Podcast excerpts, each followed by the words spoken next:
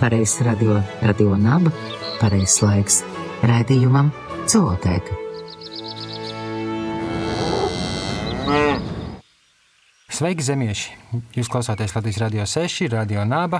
Šis ir uh, raidījums Zootēka. Mans vārds ir Andris Ādminis, un uh, raidījums veltīts dzīvnieku aizsardzībai, kā ierasts. Šoreiz dzirdēsiet uh, sarunu ar rakstnieci Lauru Vinogrādovu, kā arī viņas stāstu Acis galvās. Ja vēlaties, varat arī skatīties mūsu sarunas video versiju Zootēkas Facebook lapā. Bet nu, ķeramies uzreiz klāt pie sarunas. Sveika, Laura! Sveiks! Par Lauru es uzzināju Instagramā, kad viņa bija ietegojusi zootēku storijā, bija noklausījusies vienu no neseniem raidījumiem, Elfas Smagares stāstu par viņas fotoprojektu. Un Laura tur bija pierakstījusi klāt, ka šis audio stāsts ar, ar attēliem par smaidīgiem dzīvniekiem lika atcerēties viņas pašas rakstītu uh, rakstu, kas publicēts literatūras žurnālā Konteksts ar nosaukumu Acis galvās, un šo stāstu mēs arī šodien uh, varēsim noklausīties ļoti profesionāli ierunātu, bet uh, pirms mēs par to runājam detalizētāk, lūdzu iepazīstini ar sevi. Es esmu rakstniece, jā, es arī pēdējā laikā esmu sapratusi, ka tas ir viss skaidrākais formulējums, kas neprasa nekādus paskaidrojumus, neprasa nekādu sīkāku analīzi. Man arī nav jādomā, kas es patiešām esmu, vai mamma, vai sieva, vai tur jākabina klāt arī kaut kādas darba vietas, bet es vienkārši esmu rakstnieks. Plašākai sabiedrībai tu esi zināma ar to, ka tu nesen ieguvi arī Eiropas Savienības balvu literatūrā. Tas bija par tavu jaunāko grāmatu Upe, vai ne? Ja, jaunāko pieaugušajiem, pēc tam vēl ir viena bērnu grāmata. Bet, uh, Es katrā ziņā arī neesmu lasījis, tā kā man nav viedokļi, es nevaru neko komentēt, bet, bet nu, tas, tas izklausās ļoti nopietni Eiropas Savienības balvu literatūrā. Wow! Nu, tas ir, tas ir nopietni, jā. Tas pat ir nopietnāk, kā es biju gaidījis. Es Nu, balvas jau vispār uh, bieži nu, autori jau sevi nenominē balvām. Tās balvas tomēr atnāk kā tāds uh, trerāte, nu mēs esam. Un es negribu teikt, ka, ka rakstnieki ir uh, introvertas būtnes, visu tam es laikam nepiekrītu, bet uh, kaut kādu savu, uh, savu pasaulīti un savu vienatnes devu mums vajag. Un, tad šādas balvas ļoti satricina ierasto vidi. Un, Jā, droši vien ar, ar šo balvu tas arī kļuva mazliet zināmāk, kā bija līdz šim. Jā, bet tas bija par pieaugušo grāmatu upe, un pēc tam man ir viena bērnu grāmatiņa. Tagad. Ir kopā vairākas bērnu grāmatas jau. Uh, jā, es uh, vispār. Es tagad baidos samaloties, bet man liekas, ka kopā man vispār ir septiņas grāmatas. Un, uh, kā es pati esmu arī minējusi, uh, es sāku, sāku rakstīt vispār 30 gadu vecumā tikai. Šobrīd man ir nu, jau 38 un 7 grāmatas, kas ir milzīgi daudz. Mm. Tāpēc tagad es mazliet čušs esmu izdegusi un nerakstu neko. E, es baudu pasauli, vācu materiālu, literāro pieredzi. Jā. Un kā tev ar šo stāstu sanāca? Tas bija pirms grāmatas, vai pēc, vai pa vidam kaut kā tapa? Ko, ko var, jā, pastāsti mazliet par to, un varbūt jau, ko tu vispār gribētu, lai, lai tie, kas uh, klausīsies, ko viņi varbūt zina pirms tam, pēc tam jau mēs parunāsim sīkāk. Es godīgi neatceros, kad es šo stāstu uzrakstīju. Uh, iespējams, vienā no tādiem mm, dru, drosmes uzplūdiem, kad es varbūt gribēju um, runāt par šo tēmu skaļāk. Uh, jo, un, un būtībā tas ir tāds mans um, aicinājums palūkoties. Uh, nu, savā ziņā man kā veģetārietis pārliecība un, uh, un man, man vienmēr licies, ka ja tu kaut ko ēd vai ja ko patērē, būtu forši zināt, kā tas viss notiek, un ar tādu pieņemšanu. Un, ja tu to pieņem, ok, patērē, ja nē, tad mazliet padomā.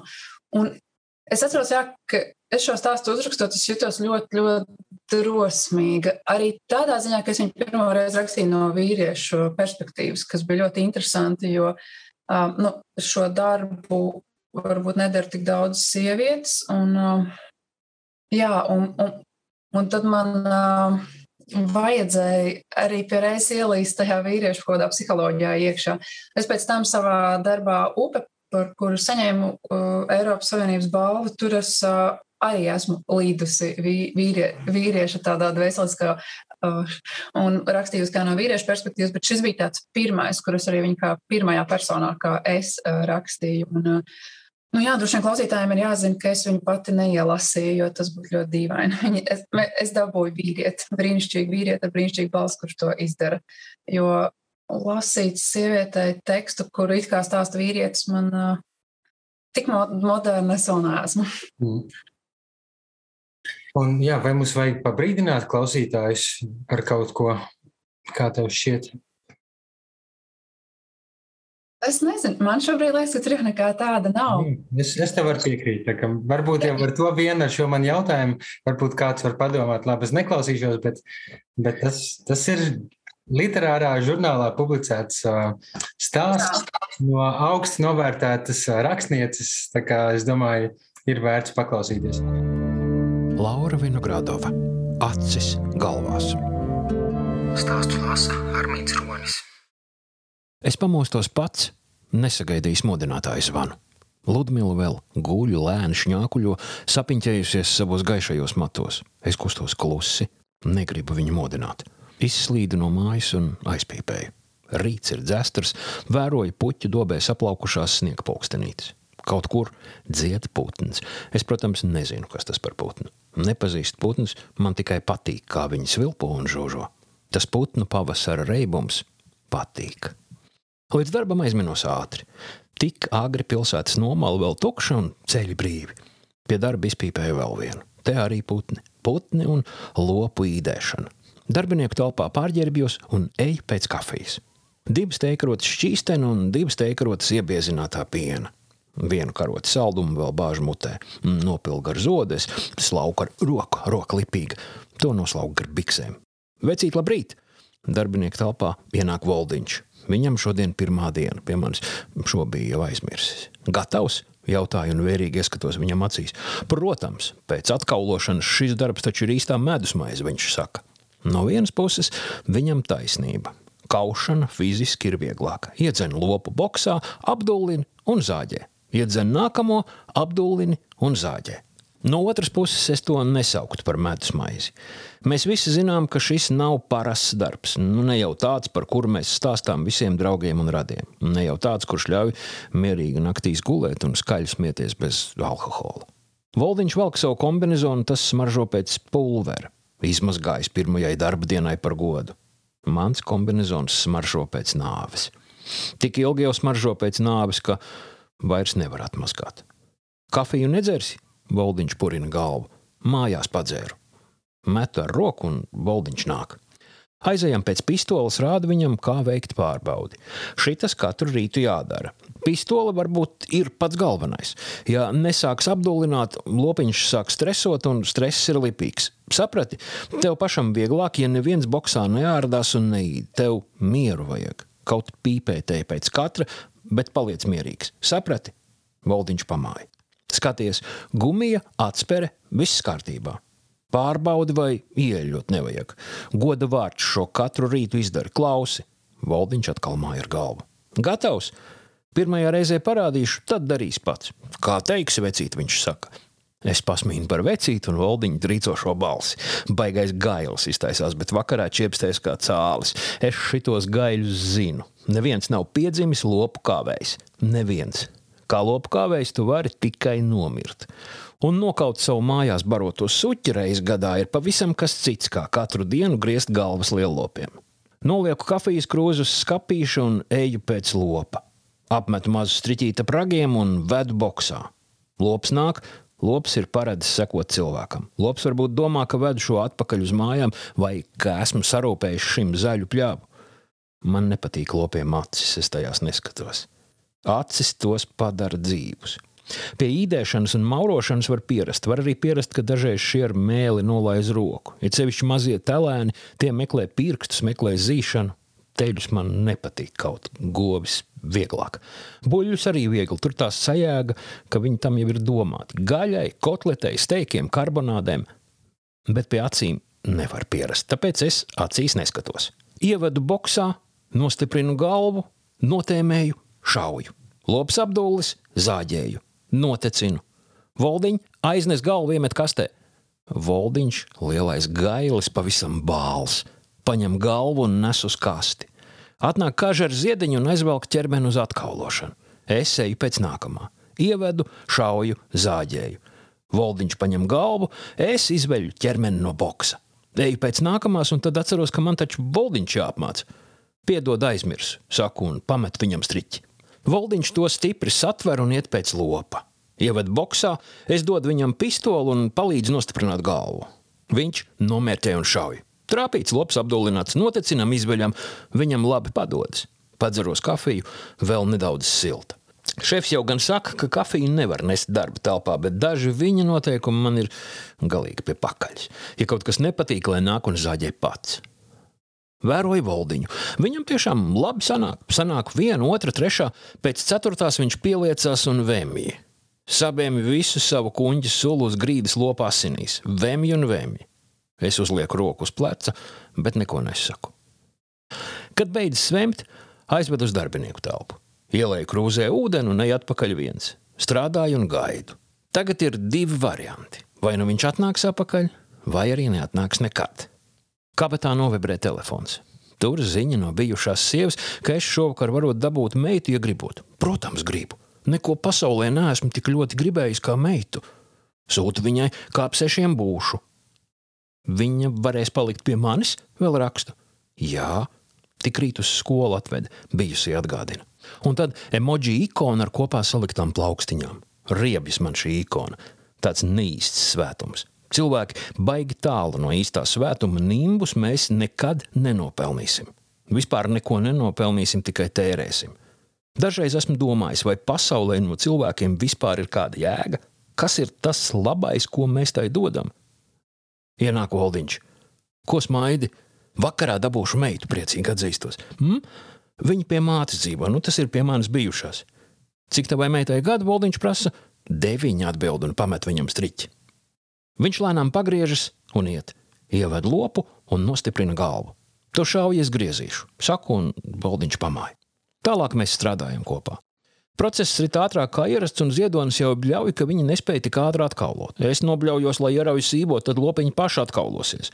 Kāža sauc pretī, ka metīs man ar zarnām, ja tūlīt to sīvo galdā neuzlikšot. Pasmejamies un ejam pusdienās. Katrs ar savu kārbiņu rokās sasēžamies apkārt galdam, pēdam klusumā, tad ejam pīpēt un atpakaļ pie darba. Pirms tam vēl aizsūta ziņu Ludmilai, ka šovakar nebūšu. Vakarā mājās ejot stulbi sanāk. Lielā kasta vēl pilna ar lopu galvām, un man sanāk tajā ieskatīties. Es parasti neskatos, bet šovakar kaut kā sanāk. Galvas jau būtu tikai galvas, ja ne tās acis. Plaši ieplasts vēl vēro pasauli un cilvēkus. Vienā acīs nosodījums, citās lūgums, it kā es varētu pagriezt laiku atpakaļ un aizvest lopu uz to zaļo pļāvu. Citas acis raud. Skaistās, garās skropstas salipušas asarās. Aizpīpēju un aizcērtu durvis. Braucu pēc meitas. Parādījos, skan kaut kāds sūds, bet neko citu mašīnā neķer. Klusumu arī šodien negribu. Varētu tos pavasara putnus mašīnā dabūt un tad braukt tādā putnu būrī.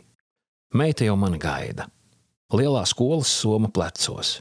Skrien man pretī, un es ceļu viņu augstu. Tik liela, izaugusi, smaga, bet es gribu viņu tā augstu, griezt un griezt. Viņa ir mans pārni, viņa ir mans vieglums. Meita sēž man blakus mašīnā, mēs braucam pie manis, groza radio kloķi. Te nekas cits neskan, tikai šis briesmīgs. Viņa smejas, un man arī jāsmejas. Tad viņa kļūst pavisam nopietna un klusa, kā sastingusi skatās pa priekšējo logu. Ilgi tā skatās, bet tad pagriežas pret mani un acīs asars. Un es pēkšņi redzu tās lopu galvas ar acīm. Tieši tām, kas klusē un sāp, kas lūdz pēc palīdzības, bet nespēj to lūgumu izteikt. Es negribu acis, bet šīs ir manas meitas acis. Mans vienīgais vieglums, un es skatos.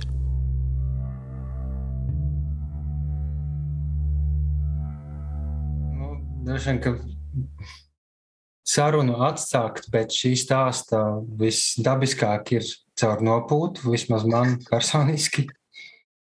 Un, nu, pir, pirmā, pirmā lieta, kas nāk prātā un ko es gribēju pajautāt, tev ir, kā, no kurienes šis stāsts? Nu, jo diez vai tu pati esi to pieredzējusi, tev kaut kur tas materiāls ir radies, kā, kaut kā tev to nācās uzzināt, izpētīt vai noklausīties Nu, protams, tur ir tavs radošais klāt, bet uh, tur ir dažādi tādi tehniskie aspekti par kaut kādiem tiem rīkiem un to procesu. Kā tu par to uzzināji?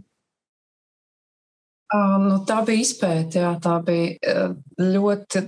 Es ļoti daudz intervijas lasīju ar šiem cilvēkiem, un uh, es uh, pētīju procesu aprakstus, kā arī uzzināju. Man bija mega atklājums, ka ir Eh, pat diezgan samērā daudz interneta vietnes, eh, tādi kā veikali, kur tirgo visas šīs ierīces.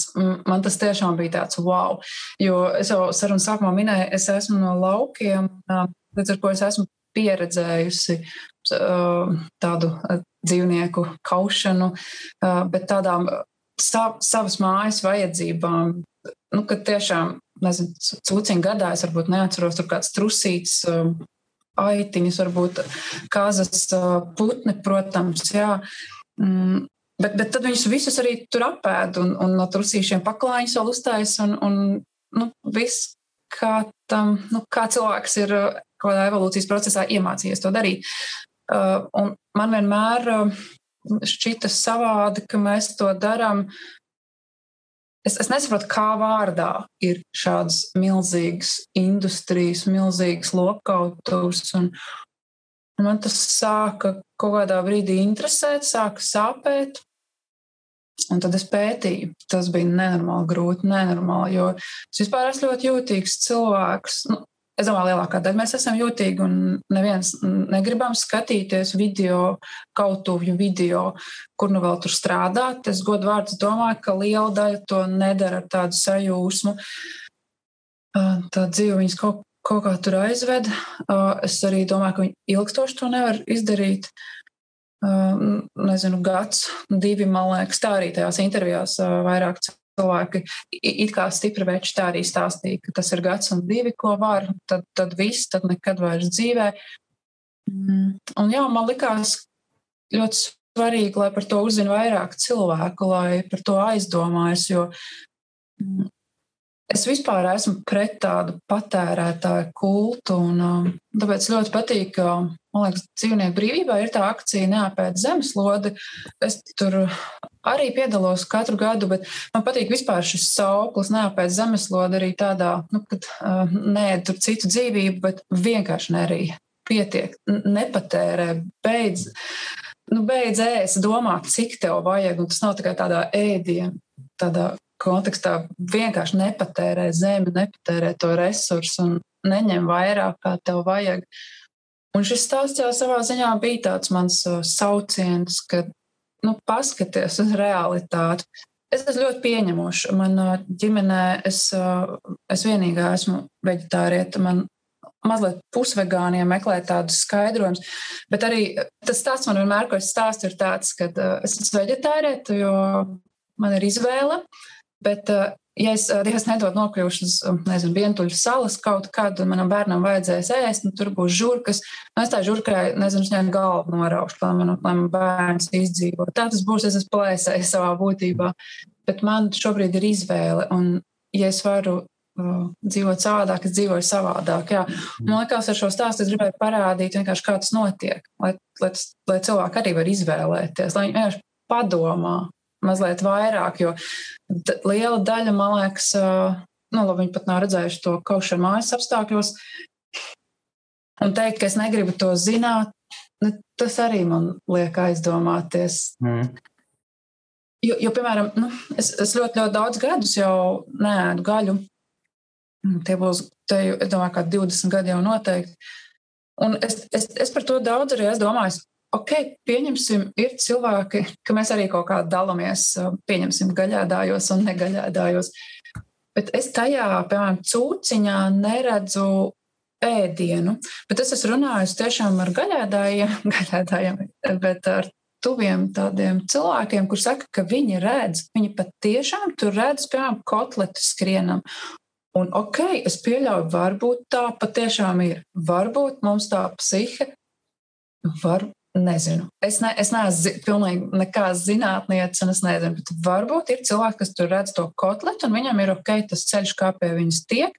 Jā. Visu cienu, labu apetīti. Man tā nav. Jā. Un man ir svarīgi, jā, lai cilvēks zina, ka, lai, lai mēs neesam tas vienkārši man noliek priekšā un es patērēju. Nē, es saprotu, kurienes kas nāk, kā nāk. Tas bija iemesls, kāpēc rakstīt šo stāstu. Nu, tā, tā jau daudziem mums laikam. Nu, man ar, kad es par to aizdomājos, es tajā brīdī man bija vajadzība rakstīt 11. klasē zinātnisko pētniecisko darbu, nu, tādu izvērstu referātu, un tad es apvienoju to savu personisko interesi ar vajadzību skolai.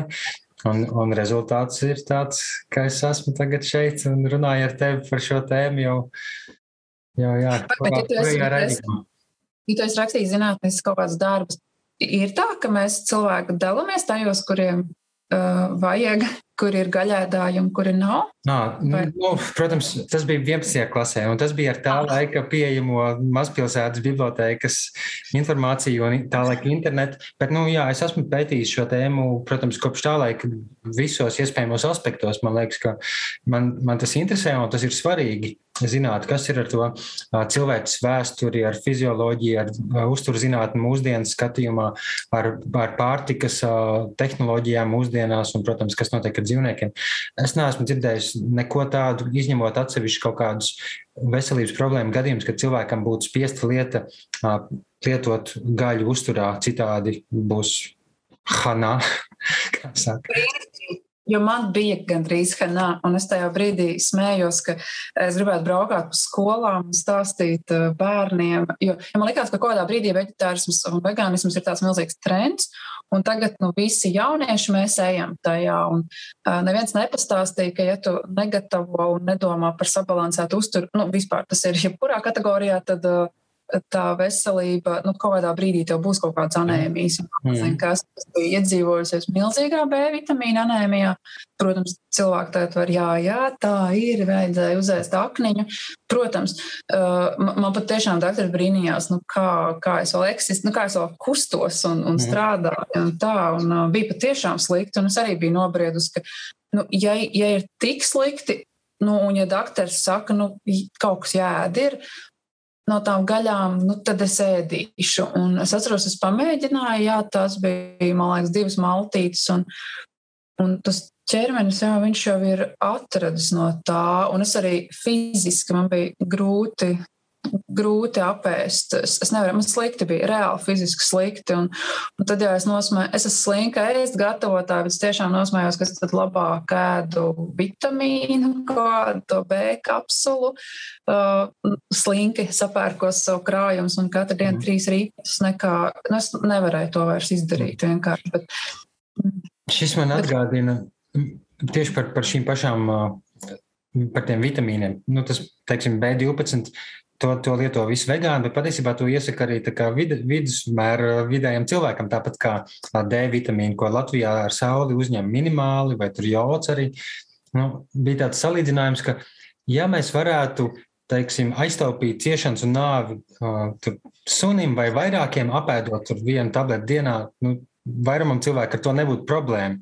Un, bet jau uz to skatās tā, ka nu, tu vari aiztaupīt nāvi, nu, priekšlaicīgu nāvi un ciešanas cūkai. Citam dzīvniekam mums to varbūt grūti iztēloties, bet ja uz to tā paskatās, un ja tā ir savā ziņā tā, tā cena vai vismaz daļa no tā, jā, es domāju, Man nav problēma, kā redzams, tev arī nē. Bet, nu, jā, par to ir svarīgi runāt. Un, un es vēl gribēju izcelt attiecībā uz to, ka, saistībā ar to, ko tu pirms tam teici, ka Tikai tagad, pirms, manuprāt, nepilniem pieciem gadiem, beidzot ir Latvijā oficiāli atzīts veselības ministrijas vārdā, ka, ka veģetāru uzturu drīkst pasniegt arī skolās kā pilnvērtīgu uzturu. Un ka agrāk tas nu, vienkārši ne, neiekļaujās tajā izpratnē par pilnvērtīgu uzturu, ka ir obligāti jābūt gaļai vai, vai, vai zivs gaļai. Un tikai tagad jaunajos uztur, veselīgi uztur ieteikumos gaļas minimums nav vairs noteikts, ir tikai maksimālais, griezti tikai. Turklāt ir izstrādāti veģetāra uztura ieteikumi, un tā skaitā tie ieteikumi bukletiņu formā es atradu vienā skolā, kad es devos ar lekciju, biju uzaicināts pastāstīt. Interesanti, ka, ka tā tēma arī parādās skolā. Un tas bija turklāt skolotāja istabā kaudzīts. Nezinu, vai viņi bija paredzējuši uh, atstāt kaut kādā bioloģijas vai veselības mācības stundā vai kā. Bet nu, šī tēma kļūst redzamāka arī gados jaunākiem cilvēkiem, kuri varbūt nu, tik daudz laika nav gatavi ieguldīt, lai to visu izpētītu. Bet man gribas atgriezties pie tava stāsta. Šis, šis viss tēmas ir super svarīgs, un, un man patīk par tām parunāties. Bet, jā, mazliet par tavu stāstu. Es atceros, tu teici, ka tu lasīji intervijas ar cilvēkiem, kas ir strādājuši kautuvēs. Un šeit sakarā arī pirms nu, jau var četriem gadiem uh, raidījums, uh, tad vēl bija zootehnikums pirms zootehnikas nosaukuma maiņas. Un tur piedalījās antropoloģijas studente, kas bija tikko laikam, pabeigusi studijas, Māja Krastiņa.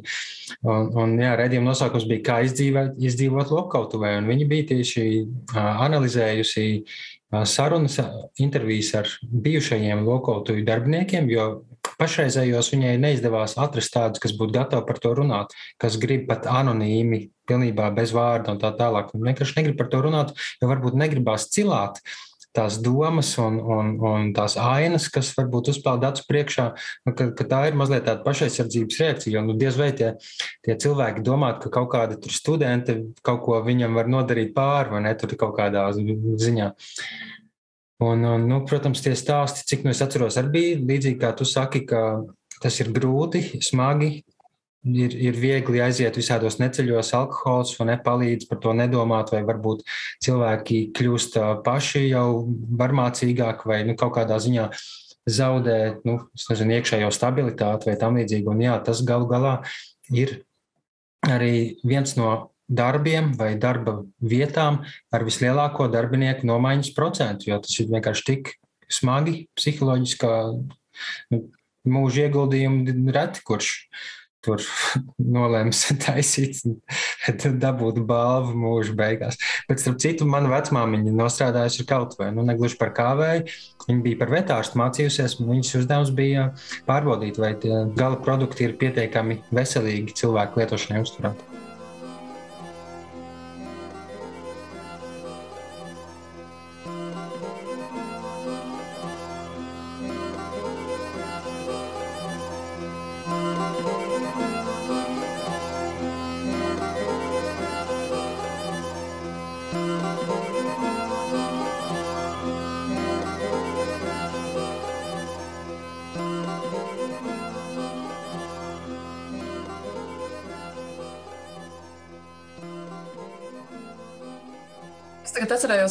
Stāstu no bērnības, ko mm, es tikai nesen sapratu, kur paliek uh, cālīši.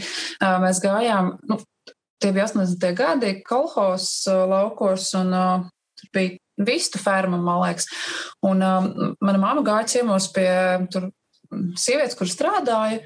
Viņas tur pap, Pļāpāja droši vien, es tik, tik ļoti neatceros, ko viņas darīja. Mums bija uzdevums ar brāli maziem maziņiem, ar groziem iet un pilns ar cālīšiem maziem. Mums bija jālasa, ka beigtie cālīši ārā grozos maziem. Man liekas, tagad, nezinu, tur bērnu dienas būtu klāt, ka mēs tādu 5-6 gadnieku ejam lasam beigtos cālīšus. Un tad tie cālīši bija kaut kur jāsaber. Kur viņi palika tālāk, nezinu. Bet, ja es Ja es pareizi tagad saprotu, tad man liekas, viņus vienkārši kaut kur maļ kopā un dod kā barību, man šķiet, iespējams. Jo viņi kaut kur visi, tur bija arī tāda pusdzīvē jālas. Nu, nu, tā tas not, es saprotu, ka tā tas ir noticis un notiek, bet, um, bet es palieku pie tā, ka mums ir izvēle. Jā, mm. jā un, un jau pieminētais par tām par tām uzturā zinātnes atziņām, kas arī aizvien vairāk ļauj saprast, jā, jums ir izvēle. Kā, joprojām tur nav teiksim, noteikts, ka ok, vairs gaļu nē, bet vairs nav, nav teikts, ka gaļai obligāti ir jābūt. Un līdz ar to tas ir jā, vēl viens iemesls, kāpēc par šo ir vērts runāt. Ne tā, ka tur bāzties virsū katram un, un visos nezinu, sabiedriskos pasākumos un vietās, bet tiem, kam interesē, manuprāt, ir jārada uh, gan kaut kādu informācijas apjoms, gan sarunas tādas, kā mums tagad ar tevi, gan, gan radoši mākslas darbi, literatūra, attēli, filmas. Tas, manuprāt, ir palīdzējis vienmēr jebkurai kaut kādai sabiedriskai kustībai par kaut kādām pārmaiņām, kas nu, cilvēkus uzrunā caur dažādiem kanāliem, caur dažādām maņām, vai, vai vairāk racionāli, vairāk empātiski. Un tādā ziņā es ļoti priecājos pamanīt, wow, ir, ir kāds rakstnieks, kas par to ir latviešu uzrakstījis un, un tik iespaidīgi.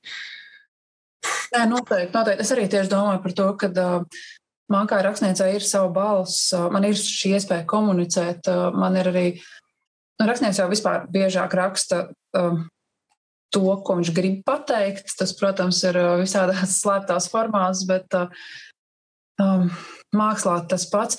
Bet uh, es atceros, ka tu minēji, ka tie cilvēki daudzi nav gribējuši stāstīt. Man uzreiz tas saslēdzās ar to, ka uh, šis ir rakstnieku grūtums numur viens, uh, jo nosaukt kaut ko vārdā.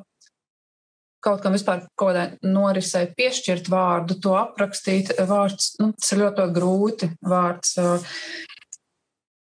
man liekas, ka vizuāli, piemēram, to attainot, tas nav tik grūti kā reāli nosaukt vārdā procesu.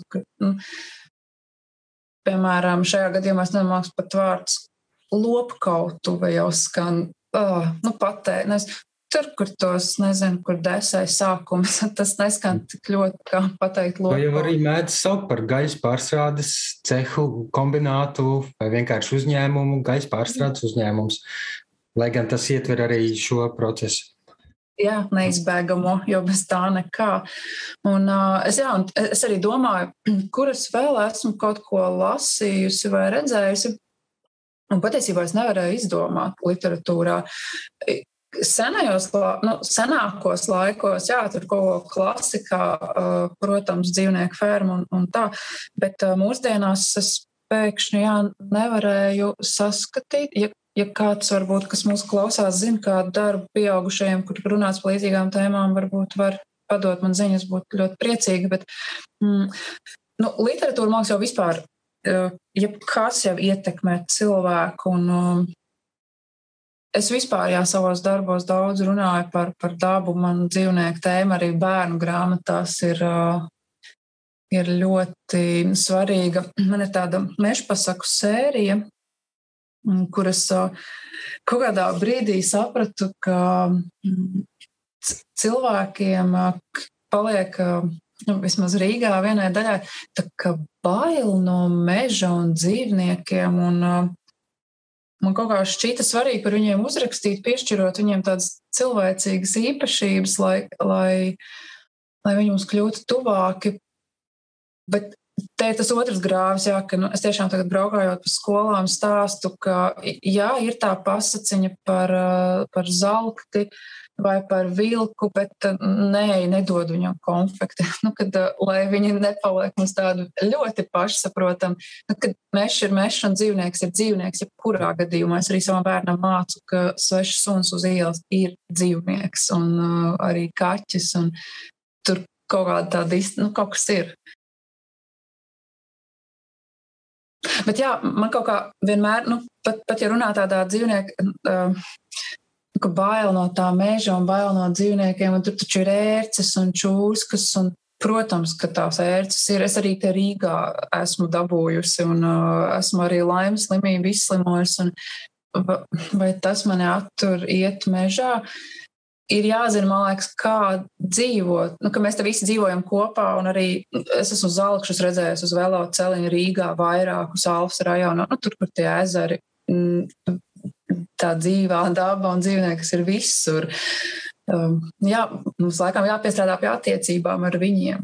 Mm. Tāpat kā attiecībām savā starpā, tāpat arī ar attiecībām ar dabu un ar, ar, ar kaut kādu planētu vispār, man liekas. Bet baidīties un neiet ārā, tāpēc, kad piemēram, ir ērces un šogad traki daudz un indīgas. Un tā, nu, es nezinu, vai tā būs atbilde, vai tas būs kaut kāds risinājums tam visam. Mm.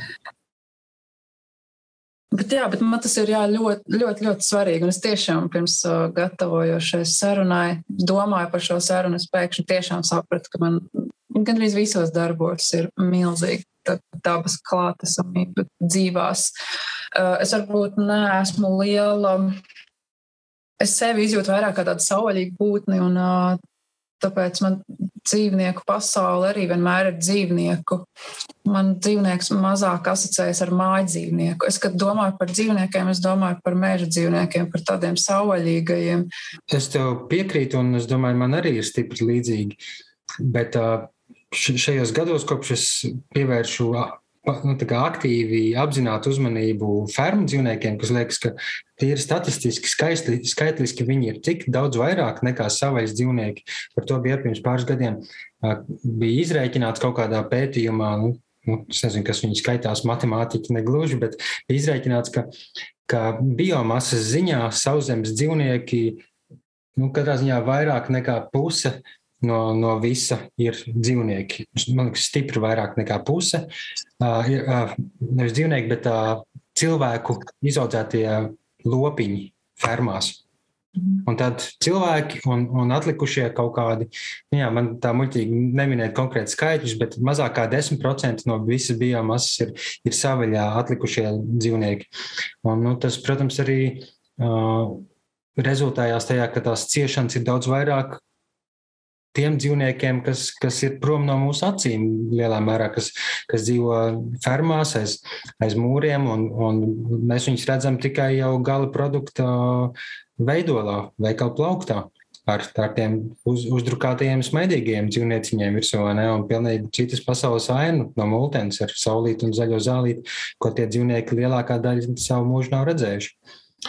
Un jā, tādā ziņā mūsu uzdevums to doma par dzīvnieku nu jā, aizstiept visos vajadzīgajos virzienos, ka runa ir ne tikai par tiem, bet arī par tiem un tiem.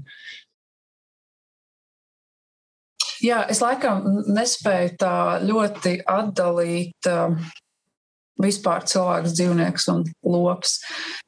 Tāpēc arī es droši vien nespēju viņu apēst. Man, man gaļa ir uh, gaļa. Tikpat labi es paņēmu sev te no stilba un uzēdu. Un Mm. Un, jā, bet es neesmu no, es gan esmu no tiem karojošajiem. Es, es, es, ja kāds saka, ka viņš citādi nevar, man tiešām sāp sirds par to, ko tu saki, tas ir milzīgs daudzums, un man liekas, kāpēc, vai jūs tiešām to visu apēdīsiet, jo man nu, vispār liekas muļķīgi mēs tārā kaut ko, un kādam ir jānomirst, lai izmest ārā desu šis, ja tu viņu tiešām apēdi un, es nezinu, no viņa ādā vēl ietinies, jo tev cits nav ko vilkt, ok, protams, dari to, bet, mm. nu, jā, man, man šis ir kaut kā grūti. Un, un visi tie, oh, to jau iztēlojos, droši vien, kā man tagad bruks virsū par šo viedokli, bet uh, visi tie, nu, kad, uh, jā, tur burkānam arī sāp, bet, nu, es nekad neesmu dzirdējusi burkānu raudam, es neesmu redzējusi viņa acīs asaras. Bet dzīvnieku acīs es esmu redzējusi, un es esmu dzirdējusi, kā viņš. Un, un tā, nu, tieši es arī ko stāstā aprakstīju, ka to dzīvnieku, nu, es to esmu redzējusi tiešām uh, pat tajās mājās, kas notiek, kur tas. Uh, lielops vai tā aitiņa, kas ar tevi ir bijusi desmit gadus, tu, tu viņu ved uz to kaušanu, un viņi tev seko, jo viņi domā, ka jūs tagad ejat uz jaunu ganību vietu, un viņi tev tik paļāvīgi seko. Mēs viņus pieviļam un nododam absolūti tiešām pārnestā nozīmē. Mēs viņus nododam gaļā, vai ne? Mm. Un par to baudu. Kaut kādi pāris fragmenti epizodes jau ir arī klasiskajā literatūrā, kas tā bija par to gotiņu vārdā sestaļa laikam. Piektaļa, tā bija piektaļa Jāņa Jaunsudrabiņa Baltijā grāmatā. Un, kad viņi veda uz tirgu un, un ar. Es neatceros, kādā ziņā ģimenes grūtībās. Un... Tas ir tajos laikos, tajos. Šobrīd, kad neviens vairs gotiņu uz tirgu neved, mēs pievēram acis un uz to industrializēto procesu tā kā nu, neredzam. Jā, neredzam. No acīm no, no sirds laukā. Jā, jā. Jo es bez gaļas nevaru. Mm. Nu, redz, jā, tas ir tas viens, ko tu saki, super izplatītais nu, tāds uzskats vai, vai pārliecība, un arī, kas stāstā ieskanējās, man te piezīmēs, ka viņi jau tam ir domāti, viņus jau sākotnēji tam radīja, ne? Tā kā atnāca vetārs un tur apsēkloja to govi tieši mērķiecīgi, lai tur tas piedzimušais nākamais steļš būtu tam bifštekam vai tā cūka un tā tālāk. Un, un savā ziņā tā ir taisnība, bet, bet tas nenozīmē, ka, ka mums to vajag turpināt. Jo nu, ar tādu pašu domu viņi tam jau ir domāti. Mēs varētu ļoti dažādas, ļoti nepatīkamas lietas darīt, jo es tā biju domājis sākotnēji. Tas nedod leģitimitāti tai vietai. Tas to nepadara par morāli bez jautājuma. Man ienāca prātā, ka sievietes jau droši vien vēl 18. gadsimtā arī bija domāts kaut kam citam, nekā mm. mēs šobrīd varam. Jo mums 18. gadsimtā vēl pat nebija dvēseles. Es nezinu, vai to zināji. Ne bērniem, ne mums sievietēm. Labi, ka jums tagad ir. Un, labi, viņas pēkšņi iepeldēja, bet uh, jā, jā, tieši tā, nu, pasaule visu laiku mainās. Šī, šī ir mākslas lieliski iespēja, kur mēs arī kaut ko varam mainīt. Hmm. Jā, es nesaku, ka tas ir viegli, jo, kā jau minēju, piemēram, es neesmu, nu, ja man vajadzēs, es to žurku nokodīšu, bet, vai arī, piemēram, es esmu mēģinājis vairāk kārtīgi kļūt, nu, tā kā atteikties arī no piena. Un nu, tie dzīves apstākļi ir kādi ir, un, nu, jā, tas, tas nav tik viegli, jo, protams, ka tas viss. Um, Tur ir jābūt baigaitai arī gatavošanas, feature un domāšanas līdz tam klikšķim. Motivācija, motivācija tev ir arī tikt vaļā no, no piena produktiem kādreiz vai? Jā, jā, es ik pa laikam mēģinu. Mm. Es, es ļoti daudz ko jau esmu aizstājusi. Piemēram, pienu kā tādu es nelietoju, es tikai augu pienus. Uh, nu, teiksim, tās kaut kādas, es cepumiem nesakoju līdzi tur ļoti etiķetēm, es kādu apēdu kādreiz. Bet tā kā tīrā veidā, jā, un tagad, man liekas, ir brīnišķīgi tie aizstājēji. Viņi pat nav mega dārgi vairs. Mm. Tas jau kaut kādā brīdī tas bija baigā atšķirība. Jau vairs tā nav. Nu, es domāju, izlīdzināsies. Piemēram, tur, tur kur es uz, uz salas esmu nodzīvojis pēdējā laikā daudz, tur ir zem viens eiro pat litrs. Nu, viņi ražo līdzīgi kā Rīgā. Viņiem ir sava veikala līnija, kas to ražo. Un es nesaprotu, kāpēc šeit ir tik nenormāli dārgi. Kur, kur ir tas iemesls? Bet, bet vēl es gribēju palikt atpakaļ.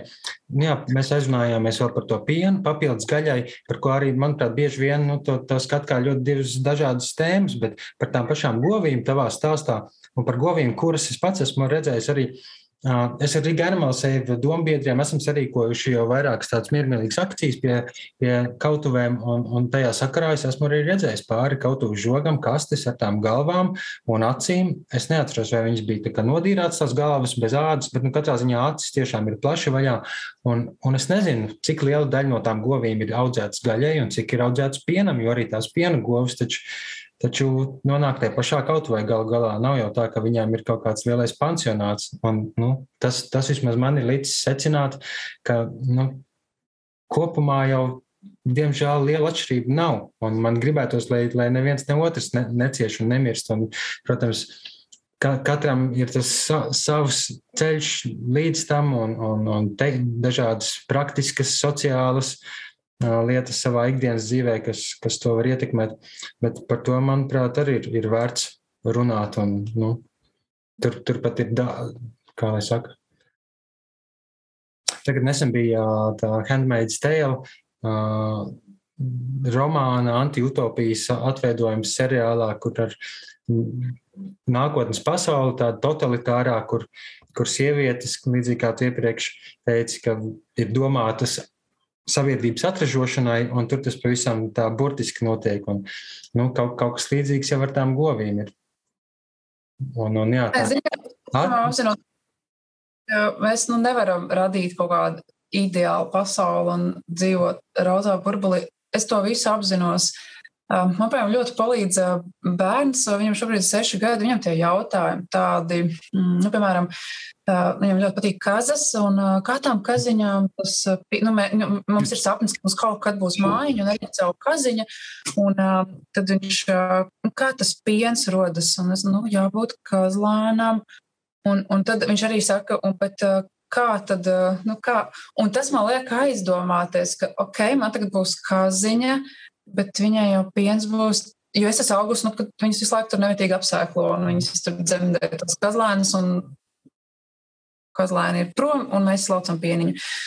Un viņš man arī ar tiem jautājumiem jāliek kaut kā ļoti aizdomāties. Tu pieminēji par savu dēlu, tas man arī lika atcerēties, ka arī stāstā ir galvenais varonis un viņa meita, kas liek aizdomāties pašās beigās, un tās acis meitas acis un, un tās acis, ko viņš ir redzējis darbā, un, un teliņa acis, ko viņš nu, negrib vispār redzēt. Nu, acis viņš vispār negrib redzēt, kur ir īpaši tos mazos dzīvniekus, par kuriem viņš ne, nespēja sev atrast to skaidrojumu, ka viņi tam ir domāti. Nu, vismaz tas nav tik spēcīgi.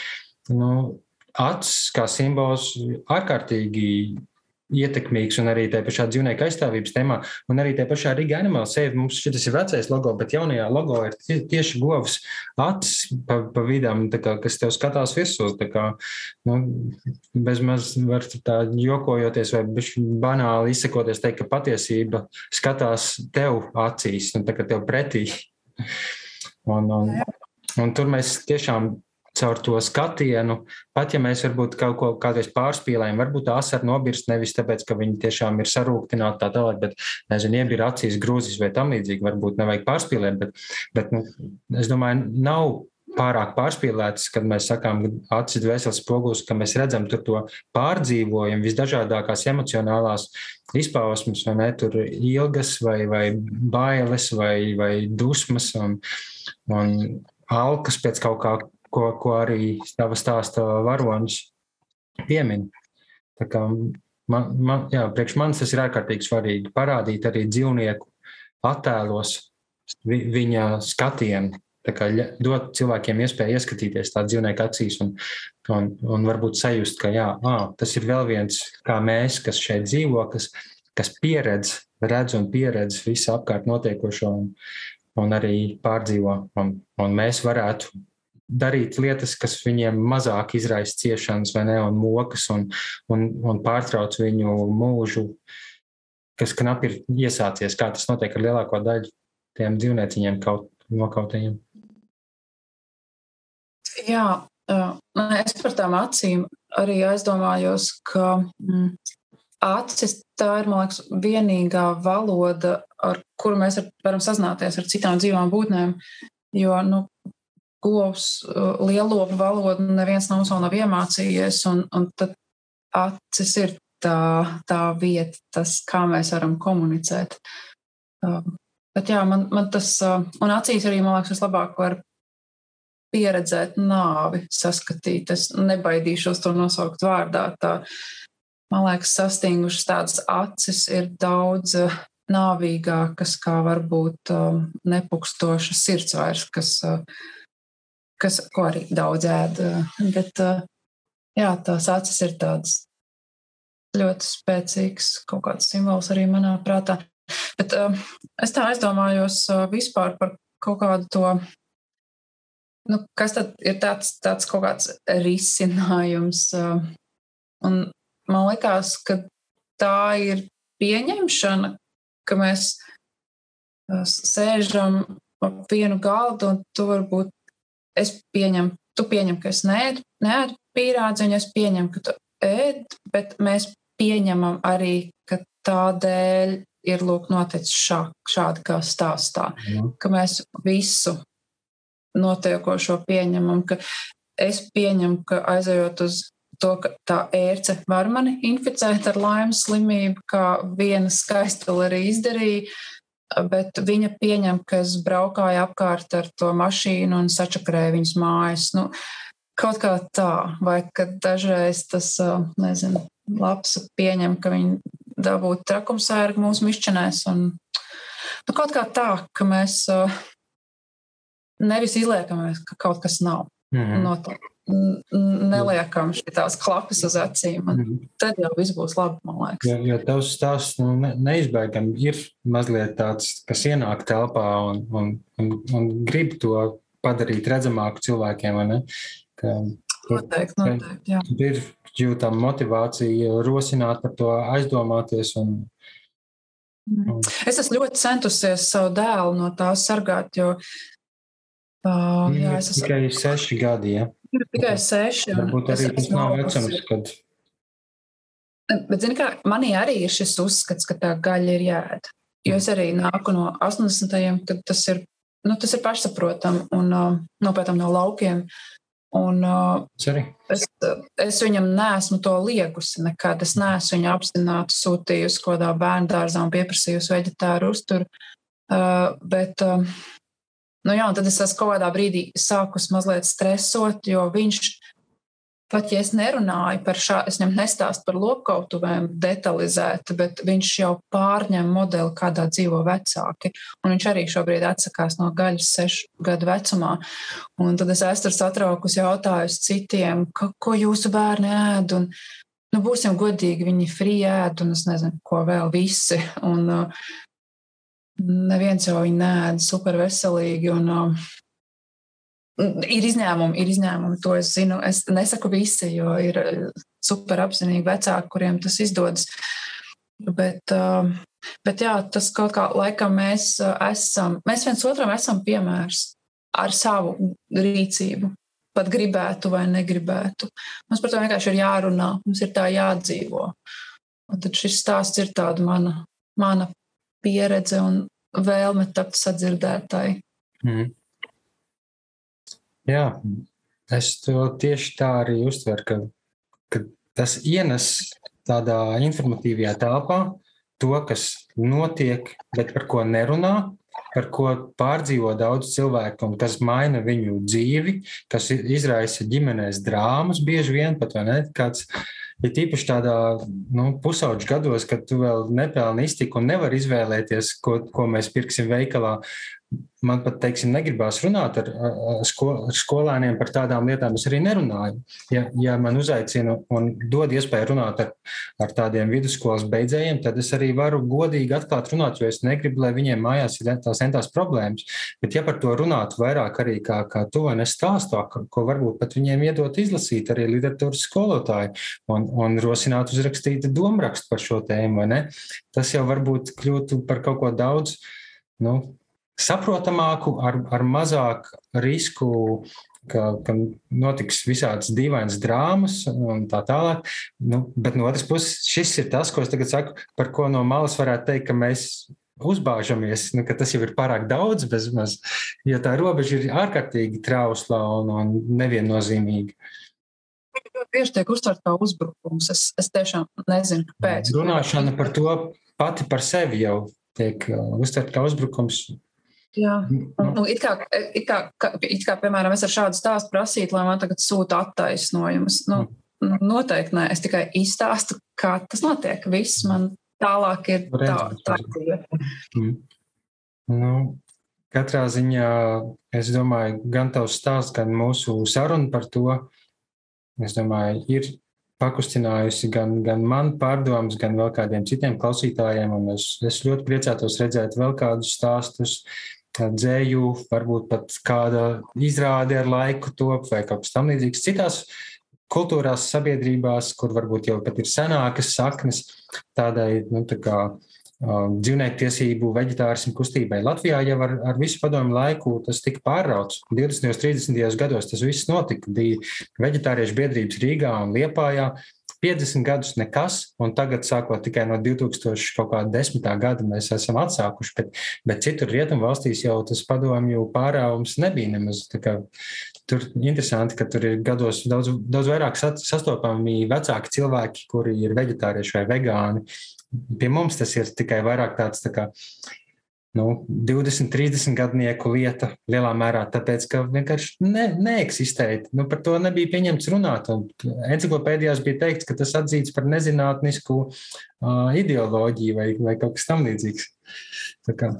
Skaisti. Es par šo nebiju pat aizdomājusies, mm. jā, par padomu laiku ietekmi tiešām. Hmm.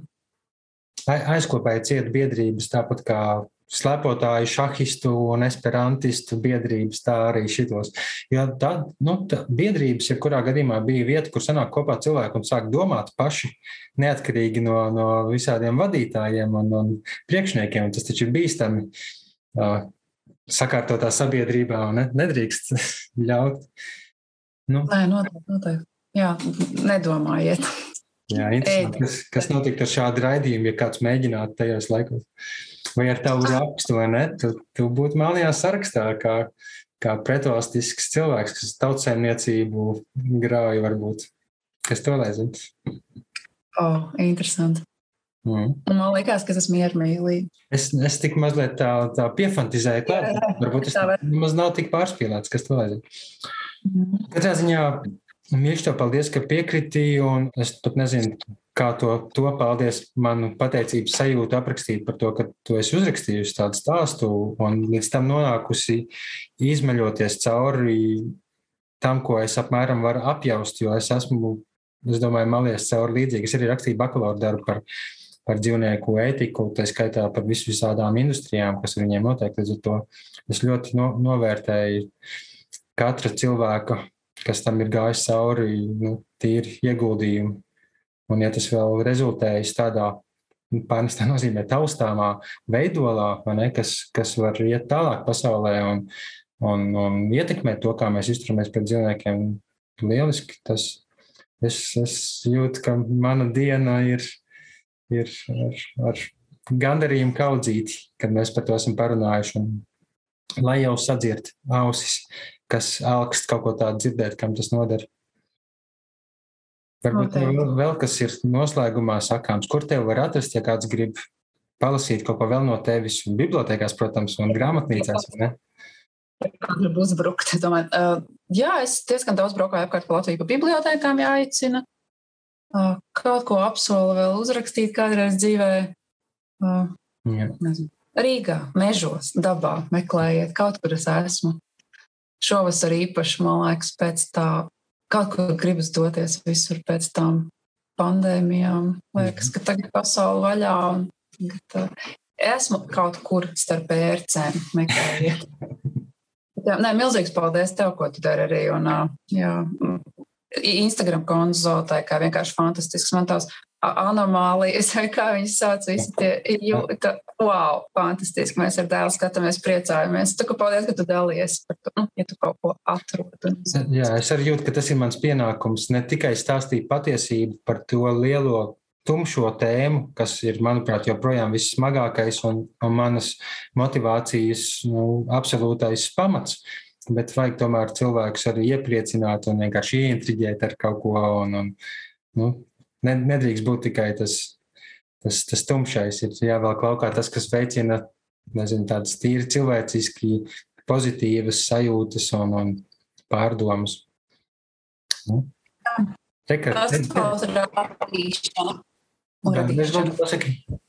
Pasaules, rādīšana tā ir tāda. Visas baltās un melnās. Vajag. Kā jāpaldies, ko tu dari. Man tas ir noderīgi. Super prieks. Nu, tad, lai tev veicās radošajā darbā, un, un paldies tev, lai veicās, un čau, tā. Čau, čau.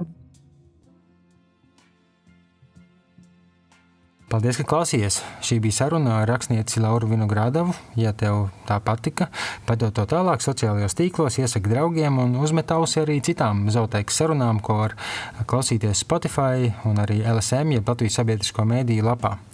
Ja vēlaties un vari, var atbalstīt uh, šo manu brīvprātīgo darbu Patreonā. Tas ir tāds kolektīvās ziedošanas projekts dažādiem radošiem, darbīgiem cilvēkiem. Un zooteikas veidošanai es varu nodoties tieši pateicoties individuāliem atbalstītājiem, kas katrs nedaudz piemet nu, teikt, pagalīti, lai zooteikas vilciens turpina iet uz priekšu. Šoreiz pieminējuši piecus no šiem uh, ziedotājiem, atbalstītājiem. Zana Rieksniņa, Zana Platina, Dārta Rutkele, Helvijas Sebris un Andreta Strade. Mīļš jums visiem paldies, ka novērtējat un atbalstāt manu darbu. Ceru, ka jums ir kāds gandarījums par to, ka esat daļa no, no šī visa tapšanas. Un, ja jūs pārējie arī vēlaties atbalstīt zooteiku un citas lietas, ko es daru, kaut vai ar vienu eiro ziedojumu, varat uzmeklēt patreon.com lapā manu vārdu, Sandrs Ādminis, un tur arī atradīsiet vispārējo info. Tas ir salīdzinoši vienkārši. Ja vēlaties, var mani atbalstīt arī caur PayPal. Tur mana adrese ir sandris.aa at gmail.com. Vairāk par zooteikas lietām varat uzzināt, sekojot līdzi sociālajos tīklos. Atradīsiet vienkārši, un, ja nevarat nociesties līdz nākamajam raidījumam, kā jau teicu, klausieties iepriekšējos ierakstus visādās podkāstu vietās un LSM.CLV. Saudzējam paši sevi, lai mēs varētu arī pasaudzēt viens otru, un lai mēs neaizmirstu pasaudzēt arī pārējos. Tā tā!